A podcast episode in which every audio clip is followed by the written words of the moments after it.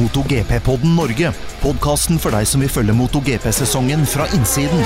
Programledere er TV-kommentatorer Stein Rømmerud og Dag Steinar Sundby. Hei igjen og velkommen alle sammen til en ny episode av MotoGP-podden Norge. Og jeg er ikke alene her i dag. Jeg har med meg eh, ikke mindre enn tre kommentatorkollegaer, nemlig Thomas Sigvartsen, Karoline Olsen og makker Dag Steinar Sundby. Hei på dere. Hallo, hallo. Hei, hei. Da ble det helt stille i andre enden. Ingen ville snakke i munnen på hverandre.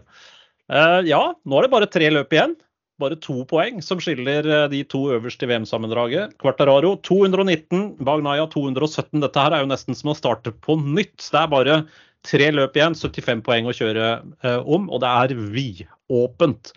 For denne helga så er det Grand Prix-racing i Australia. Det blir eh, Australias 32. Grand Prix gjennom tidene.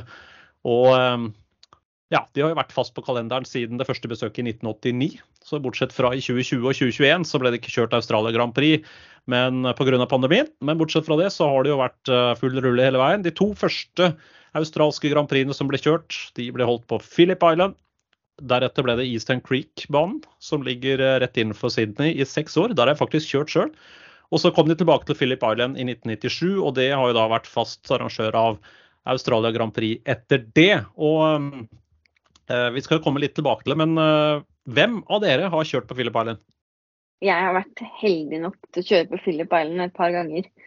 Og det er alle som liker å kjøre motorsykkel og elsker å kjøre roadracing, hater meg for det. ja, for Hvis den podkasten hadde vært på YouTube nå, så hadde jeg sett at både Thomas og Dag Steinar er grønne av misunnelse. mm. Ja, nei, det, er, det er en eh, bane man gjerne skulle kjørt på, ja. Helt klart. Det er ingen tvil om det. Kan ikke du arrangere en sånn uh, track day nedpå der, Dag Steinar? Så vi tar du med oss andre. Det skal jeg gjøre, vet du. Ingen problem. Vi ordner det. det. Um, vi skal jo snakke litt om uh, forskjellige ting i denne sendinga. Vi hadde jo Thailand Grand Prix, det begynner jo nærmest seg to uker siden. Og vi har vært litt late etter det, så vi har ikke hatt noen podkastepisode før nå. Men den uh, var det jo uh, Thomas og Dag Steinar som losa seerne trygt igjennom på Viaplay. Um, spennende løp, men det ble jo ei lang sending. da. Dere fikk jo virkelig prøvd dere der, for det var jo klissvått og regn. Det var det. Så det blei jo uh, mye utsettelser i uh, både Moto 2 og MotoGP. Moto GP. Så det blei uh, ble sånn sprinterrace til slutt i, i, Moto 2. Men uh, Moto GP kjørte jo full, full lengde, men det blei en lang sending, så vi fikk vel tatt opp det meste. Du ble i hvert fall bra kjent med kaffemaskin studio. Nei, det, var, det blei uh, drøyt. Men vi, vi prata jo den podkasten før, uh, før, det løpet at vi var helt sikre på at nå ble det regn fra første trening. Så satt vi egentlig og fulgte med på den værradaren og venta på det hele helga. Ja. Så kom det jo ordentlig til slutt, da. De sparte alt til søndag. Jeg gjorde det. Men det ble jo et uh, morsomt resultat da, med Oliveira på topp, KTM. Så dere den uh, komme, eller?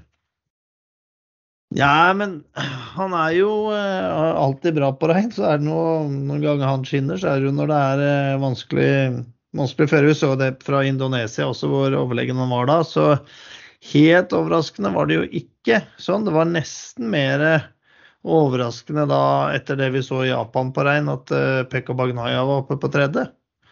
Det var jeg mer overraska over. Mm. Det var vel han vi, han vi satt litt uh, spørsmålstegn til før løpet.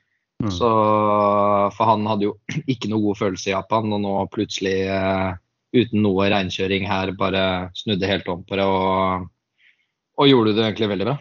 Han takla jo presset veldig bra. Så det ble Olivera først, og det var vel 0,7 foran Jack Miller. Og så Baunaya på tredje. Sarko på fjerde. Han kom jo som en rakett der. Hadde jo et voldsomt tempo. Jeg satt og fulgte med på rundetidene og, og begynte å regne litt, sånn kjapp hueregning. Og jeg kom til at han skulle jo lett kunne ta igjen uh, Oliveira i tet der. Men uh, i alle dager, hva som skjedde der? Nei, det, det, er jo det. Det var jo ikke så veldig vanskelig å se hva som skjedde. da. Det var jo han som Vi sa jo akkurat det samme som du også uh, regner deg fram til, at nå kan Sarko ta sin første seier. Men han kom forbi Marques Marquez der og kom opp bak eh, Pekka Bagnaya, så skrudde han jo bare av. Da lå han jo bare der og, og fulgte pent etter inn, da. Vi har jo, har jo hørt da, at de har snakka om de teamordra, og vi har vel egentlig venta på om vi skal se noe, noe trekk på det. Men uh, den uh, Det var ikke plutselig noen dekkproblemer, tror jeg, som stoppa Sarko der. For det, han skrudde jo av over to sekunder på runden nesten. Så det Han hadde ett mål, og det var å, å lose han andre trygt i mål. Jeg vet ikke om dere la merke til det etterpå, men det, det, har jo vært noen videoer ute på nettet nå med Tardozzi som skal da over og snakke med Pramac-teamet rett etter målgang. Først så er de jo super, super happy inne hos eh, Lenovo og Ducati for at, eh, for at Pekko tar den tredjeplassen. Og så skal de da inn og på en måte gratulere Pramac-teamet med den fjerdeplassen hos Arco. Det, det er en bisarr video. Den ligger ute på nett, og da ser du litt eh, Da, da merker du jo hvor eh, anspent den stemningen er. For det, det var ikke tvil om at de Pramac-gutta visste at han kunne ha gjort uh, mye, mye bedre. Men her var det Det er vel feil å si stallordre, da, men det var vel en, en Ducati-ordre ute og gikk? Ja, den begynner å bli mer og mer tydelig nå, den Ducati-ordren. Altså. Så um, vi får nok uh, Ja, kan nok få se en del mer av det nå, tror jeg, de tre siste raca. Mm. De har vel fått uh, ganske grei beskjed om at hvis de kan gå for seier, så uh, kan de få lov til å gå for seier. Men uh, er det alt annet enn seier, da setter de pris på hvis de kan holde seg bak. Mm. Så det var vel det Sarko skyldte på nå, da, at, han trodde, at han mente at han var for seint ute til å gå for den seieren. Og at Bagnaya er veldig flink på bremsene. Og det var mye bra unnskyldninger der en periode. Men jeg håper jo liksom at det her ikke altså Bagnaya har jo selv sagt at han ikke ønsker å vinne mesterskapet basert på teamordre eh, og få eh, servert denne tittelen. Men eh, jeg håper jo liksom at Jeg vet jo at det er noe vi kommer til å se de neste tre racene, men jeg håper jo liksom at det blir minst mulig, da. Ja, er, jeg, er helt enig. Jeg er sånn eh, lite tilhenger av at uh, løpene skal avgjøres på en måte i, i depotet og bak lukka dører. Det skal jo skje. Det er førstemann i mål. Bestemann skal vinne.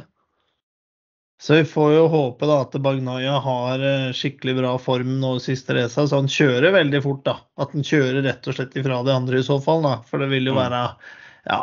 Det, skal det bli hjelpa inn og losa inn, så er det jo, som du sier, det er veldig synd i så fall. Ja.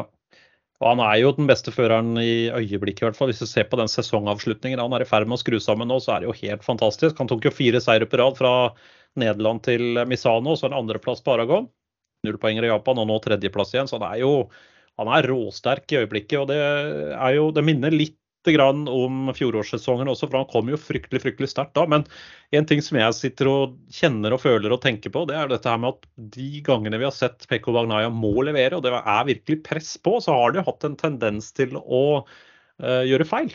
Så spørsmålet Han viste jo litt styrke nå i Thailand, syns jeg da, på vanskelig underlag. Jeg satt nesten og venta litt på at det skulle skje et eller annet med han der, men nå, holdt han seg på hjulet, holdt huet kaldt og alt sånn. Men ehm, ja, hva tror dere? Nå drar det seg på skikkelig. Nå er det sesongfinale. Tre løp igjen. 75 poeng å kjøre om. Og det er to poeng som skiller Quartararo og Bagnaya. Vil han takle presset nå, Thomas? Jeg har litt samme oppfatning som deg. Jeg har litt, sittet litt og venta på at uh, når er det det går dårlig. For uh, sånn historisk sett så har jo han eh, blitt litt ekstra stressa når det har dratt seg til. Og nå løste han det veldig bra, eh, det løpet nå i Thailand. Eh, kanskje det hadde vært annerledes om Quartararo hadde også vært oppe der. Det, det veit vi ikke. Men eh, han eh, ja, er jo nærmere mål nå enn i fjor, mm. egentlig. Så jeg tror Quartararo sånn eh, ja, han, han, har litt mer utfordringer med, med sykkel enn det Bagnaya har, så det, det, kommer til å bli veldig tett. Men jeg håper jo for all del at han holder alle løpa inn. Men det, nå er det to poeng når de eh, skal kjøre neste løp, så det, det blir spennende å se om han klarer det. Og så er det en annen fører nå som jo er kjempesterk i øyeblikket, og det er jo eh, Jack Miller. For Hvis vi ser på de to siste løpene, seier i Japan, andreplass i Thailand. Og eh, ja, han var jo fire på Aragon også han kjører bra for tida, og nå skal han på hjemmebane. Og ikke bare det, han er nygift. Karoline, eh, hva tror du? Nei, altså det, det, blir spennende å se på Philip Island. Altså, bare sånn til innspill til Thomas der òg, eh, med tanke på Bagnaya nå forrige helg. Altså, jeg tror det at han gjorde et så utrolig dårlig regnløp sist, eh, gjorde også at han følte mindre press den helga. At han kanskje, folk hadde ikke forventninger til han på regn, eh, som kanskje gjorde at der, han eh, kunne kjøre litt mer friere. da. Um, når det kommer til eh, Jack Miller på Philip Island, det er klart at han er i storform akkurat nå. Eh, og han har et eget mesterskap å kjøre om. Som han sier, han er en drømmer, og han har fortsatt en mulighet. Så at han kommer til å gi fra seg noe gratis, det tror ikke jeg. Ehm, jeg tror det blir et, eh, et kult løp. Og nå som vi ser at Ducatien også svinger mye bedre. altså Philip Island er jo en vanvittig rå sving kurvehastighetbane med mye flyt. Så det kan bli spennende å se hvordan det blir. Ehm, jeg tror det er mange, mange faktorer som kommer til å spille inn. Jeg tror eh, været Nå ser det ut som de på en måte dodger det verste været på Philip Island, men det kan være et uh, heftig sted hvis det blåser litt og uh, det virkelig uh, slår seg på der, altså. Ja, Det er jo ikke for ikke noe at det er en av svingene etter Siberia, altså Sibir. Det kan være ganske kaldt der. Det er litt åpent, spør du meg. Vi skal vi faktisk legge huet litt på blokka her. fordi vi vet at matematisk det er sju førere som kan ta tittelen i år. Fordi det er matematisk mulig da, med tre seire å ta 75 poeng. Og Da betyr det at Sarko på sjuendeplass kan bli verdensmester, men da må jo, det er veldig veldig usannsynlig, selvfølgelig, men matematisk så kan han det. Brad Binder på sjette kan det. Jack Miller på femte kan det. Bastianini på fjerde kan det. Og så er det de tre i toppen. da. Aleish Espargaro han ligger 20 poeng bak Quartararo, og Bagnaya ligger to poeng bak Quartararo og Quartararo hatt mye stang ut den siste tida. Det har gått liksom litt feil vei. Nå er det ikke lov å velge med hjertet, nå skal vi velge med huet. Så jeg blåser i hvem dere holder med sånn innerst inne på privaten. Vi er kommentatorer, skal være helt nøytrale. Hvem vinner mesterskapet i 2022? Dag Steinar Sundby, svaret er? Jeg tror uh, Bagnaya vinner, jeg. For det er uh, med hele pakka med Ducati og, og den delen og uh, vi skal kalle det hjelpeføre, da. For jeg har sett at det begynner å vise seg mer og mer. Jeg tror, jeg eh, tror at det, Magnaya tar det nå. Thomas Sigvardsen. Eh, jeg tror, eh, tror, faktisk at Fabio klarer å, å, hente seg litt nå de siste De tre neste løpa nå er Tror jeg de får mindre problemer med sykkel. Jeg tror de kommer til å ha litt mindre kompromisser, dem. og gå på for å få sykkelen til å yte best på de banene. Så jeg, etter de to litt svake løpene, så tror jeg han er eh, på igjen uh, fra neste løp og, og blir hard de tre siste. Karoline Olsen? Veldig bra alternativer begge to. Det er jo de to det står om. Jeg må si at jeg heller litt mer mot Dag Steinar og Bugnaya. Men det kommer jo helt an på om han klarer å holde hodet kaldt. Det er jo det vi har sett Quartararo vært så flink på hele sesongen. Da. Han har jo bare fortsatt å prestere og gjøre det beste med det han har. Eh, hvis vi ser bort ifra nå den forrige helga, som var en skikkelig uh, ja, et lite mm, sjokk, om man kan si det på den måten. Så har den virkelig steppa opp, liksom. Men jeg tror det skal Altså, Ducati har jakta den tittelen i så mange sesonger. Eh, de har jo ikke hatt noen tittel siden 2007 og Casey Stoner, er det ikke sånn? da? Jo, jo, stemmer. Og det er, det er klart at det, det er jeg, jeg, føler litt at det er eh, på tide. Så jeg tror Bagnaya klarer å dra i land der. Hva tror du, Stein? Jeg er enig med Thomas. Jeg tror det blir Quartararo. Og det eh, kan jeg bygge opp under på to måter. Det er eh, for det første, jeg tror eh, Bagnaya kommer til å gjøre en feil. Det er jo det det går på. Det er ikke egentlig hvem som kjører best, men det er hvem som unngår feil, tror jeg. Det er så tett matematisk nå. Så en nullpoenger fra Bagnaya på en av de tre løpa, det tror jeg kommer til å skje. Hvis vi ser på statistikken, så er det høyst sannsynlig da, at han får en nullpoenger der. Og så kjører Quartararo inn på det, på det jevne og tar det, tror jeg.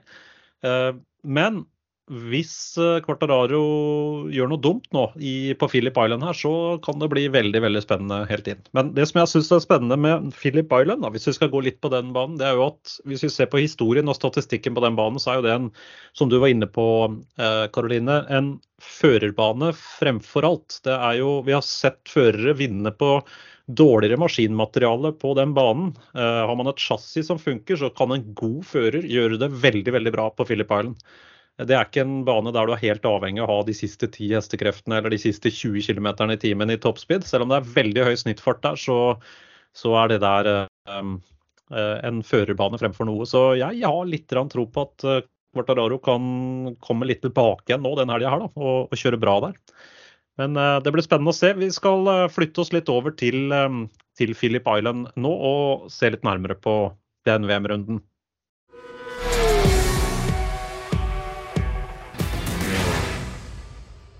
Philip Island. Det er den tredje siste VM-runden i årets mesterskap. En klassiker av en bane som ligger like utenfor Melbourne i eh, Australia.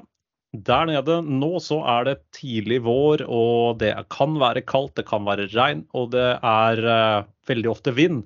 Philip Island er en liten øy som ligger ute i uh, havet utenfor Melbourne. Og en herlig bane. Vi har vært inne på det flere ganger allerede. Det er jo en bane som eh, for det første har litt eh, høydeforskjeller, og det er veldig høy snitthastighet eh, der. Karoline, du har kjørt der.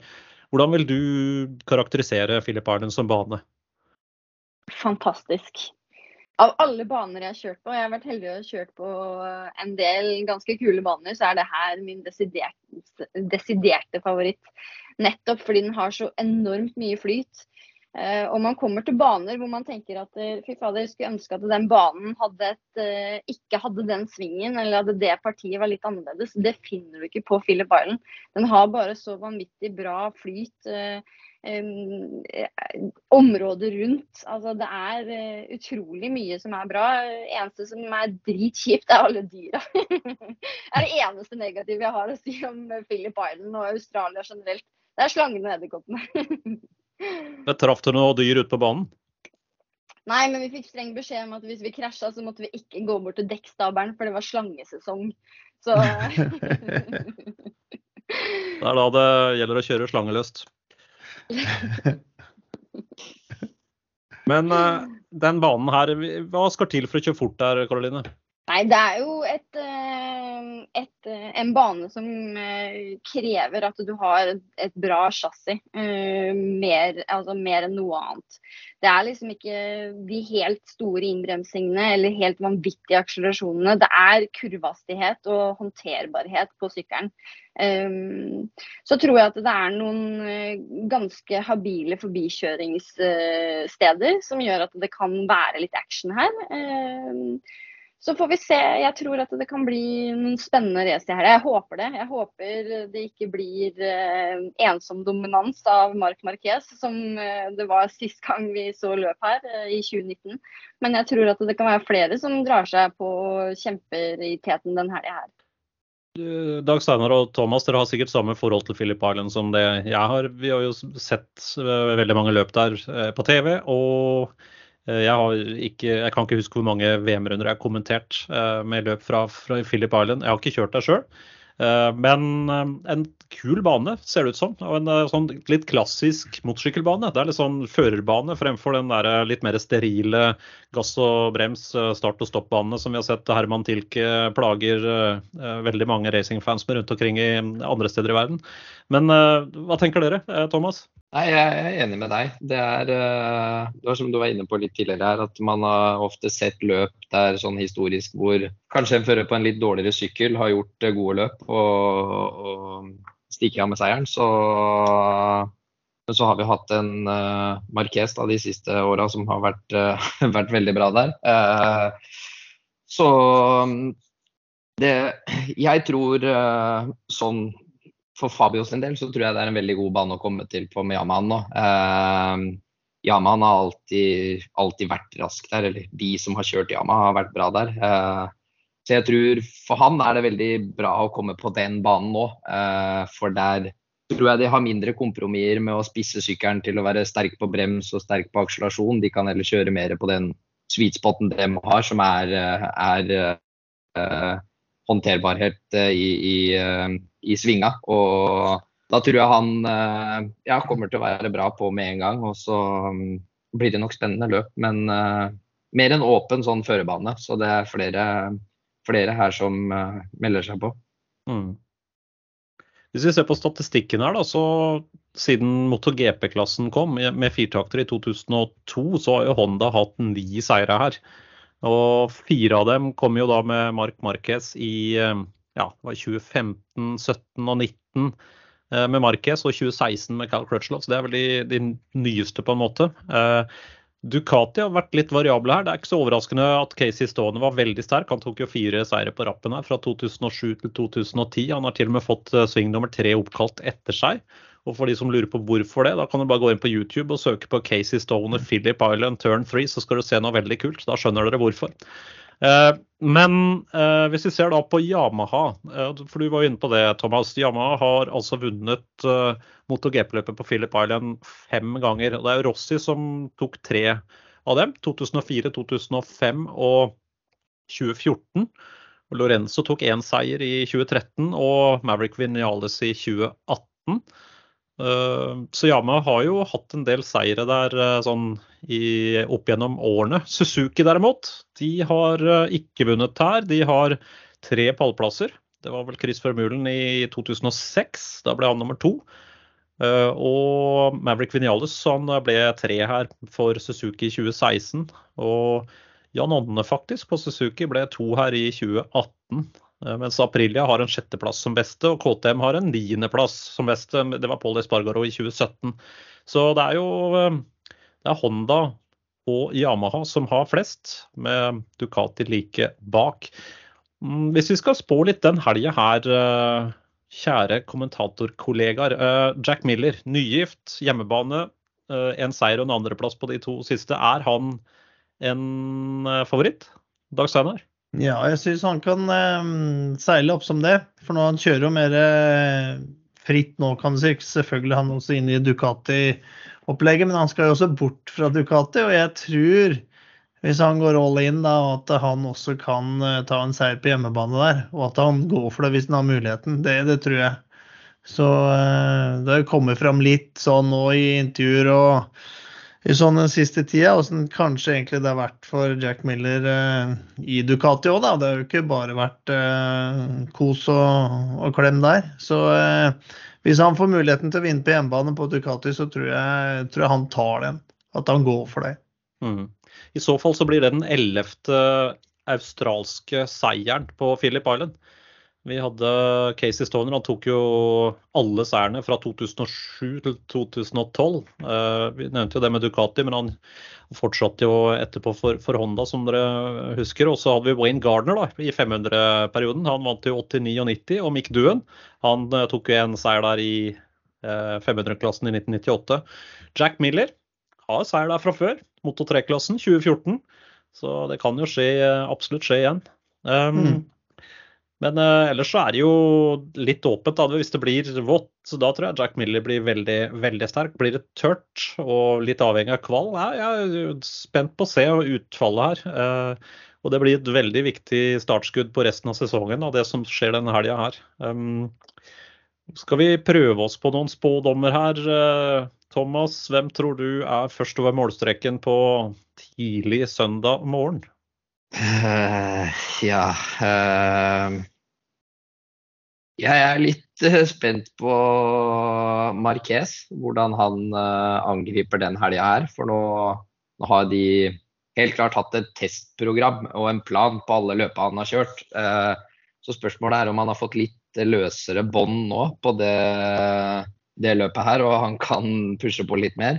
Så jeg tror han uh, tror jeg vi ser på pallen. Jeg tror Miller er der. Og så um, blir det enten Magnaya eller uh, Quartararo.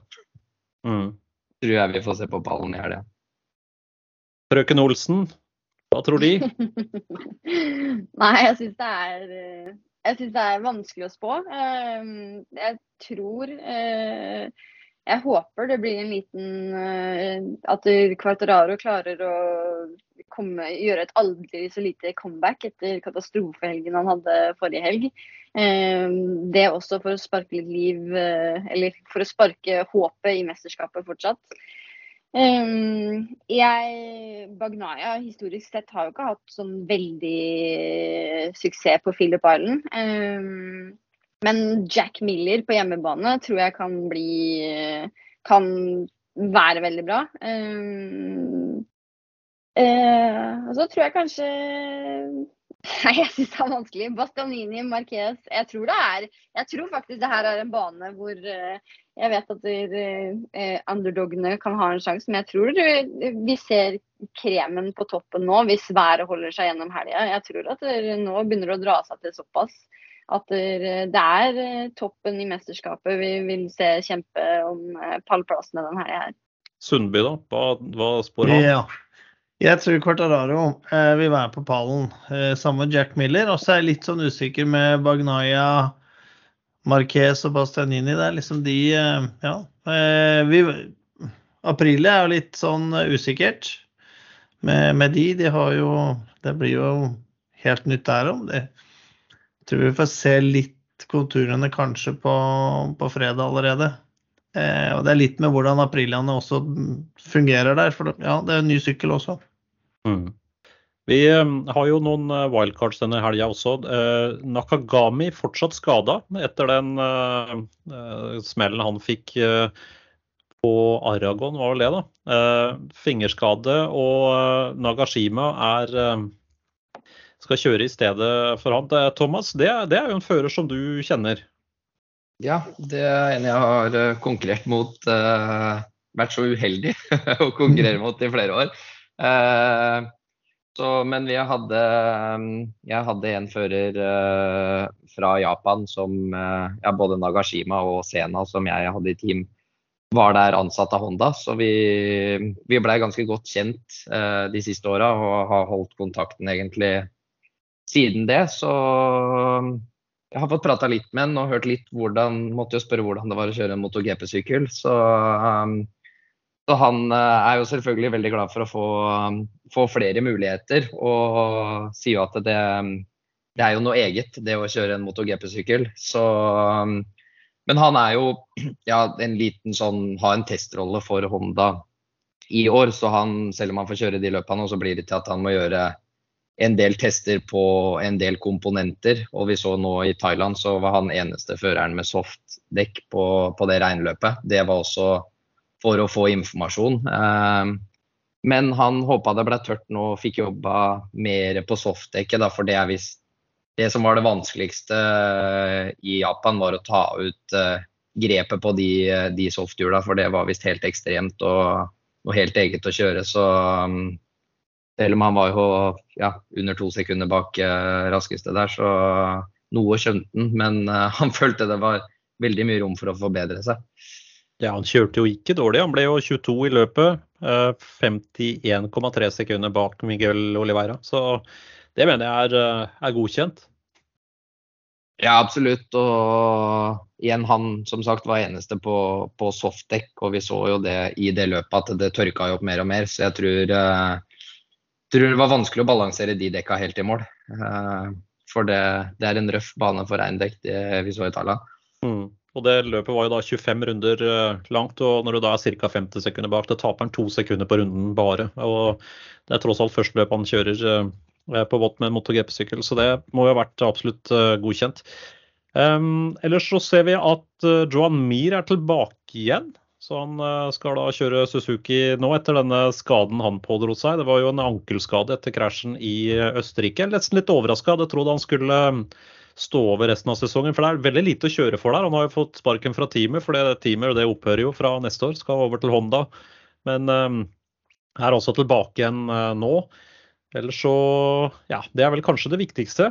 For, for, min egen del er jeg litt sånn spent på å se hva Mark Marquez uh, presterer. Han har jo ikke noe press på seg nå, og han har jo forbedra seg hver eneste gang han er på, på sykkelen nå. Han er fortsatt beste Honda-fører i mesterskapet så langt også.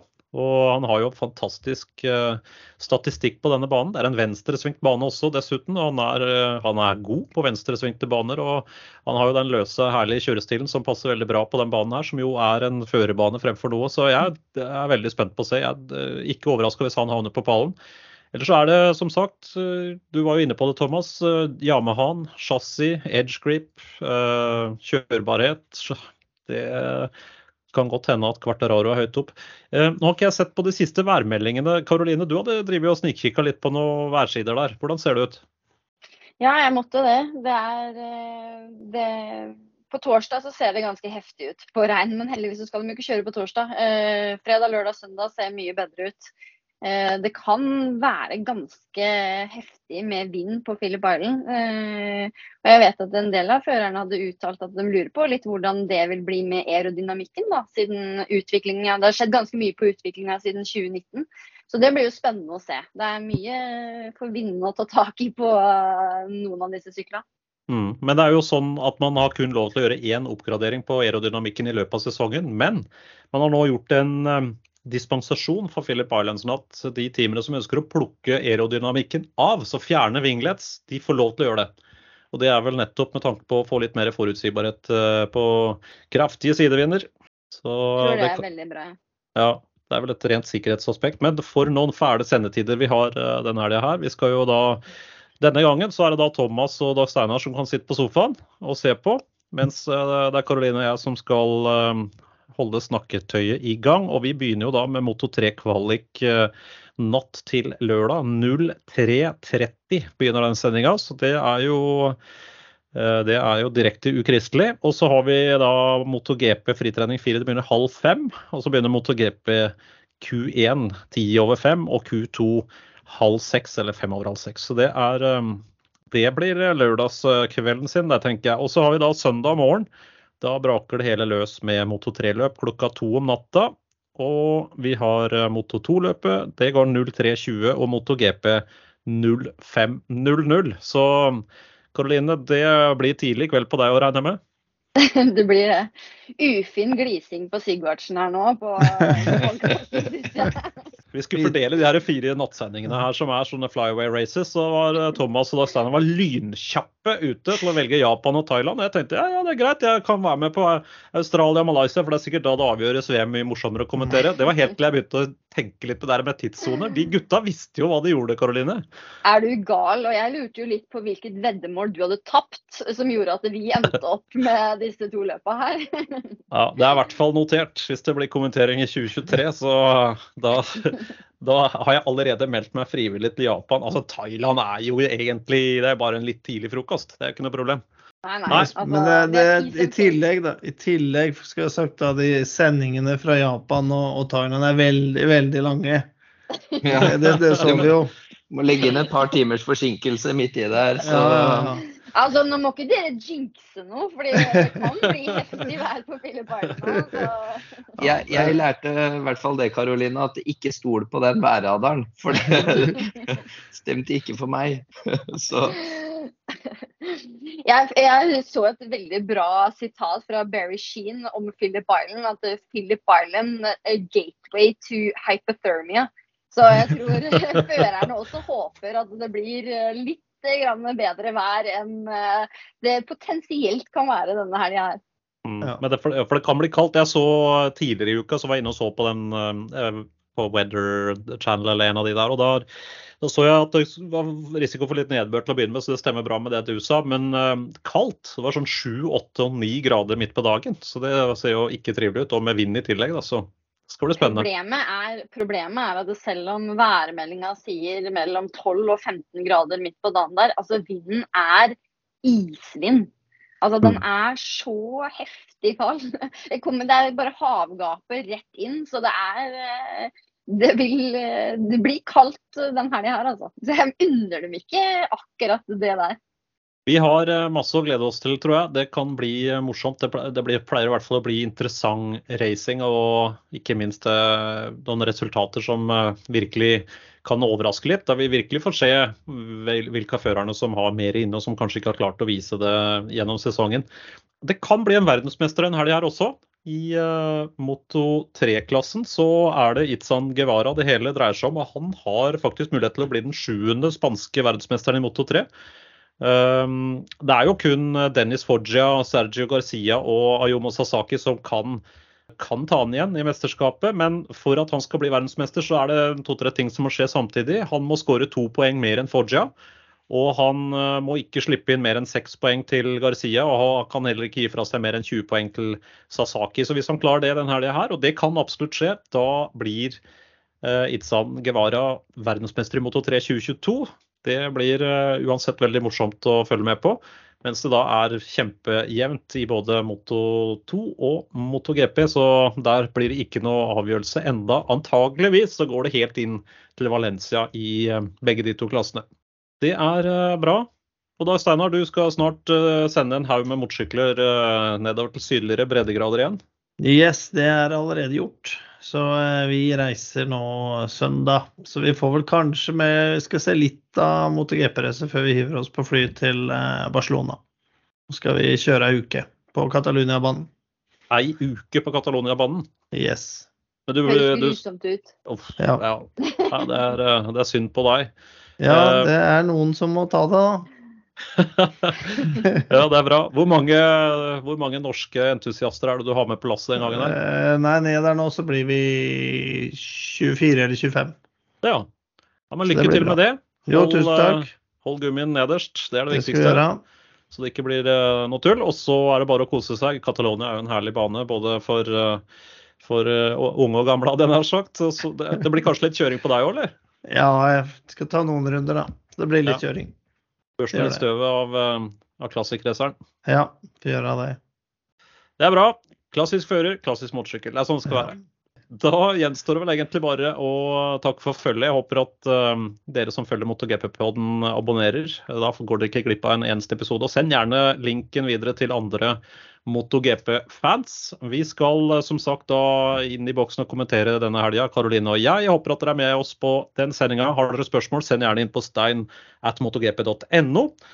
Og eh, neste episode i MotoGP-podden Norge, det må jo da bli mellom den helgas VM-runde på Philip Island og Malaysia, som går allerede helga etter. Så vi tipper sånn rundt onsdag og torsdag denne uka som kommer at vi dunker på med en ny episode i MotoGP på Norge.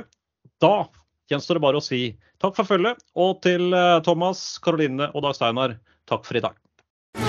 Du har hørt MotoGP-podden Norge med programledere Stein Rømmerud og Dag Steinar Sundby.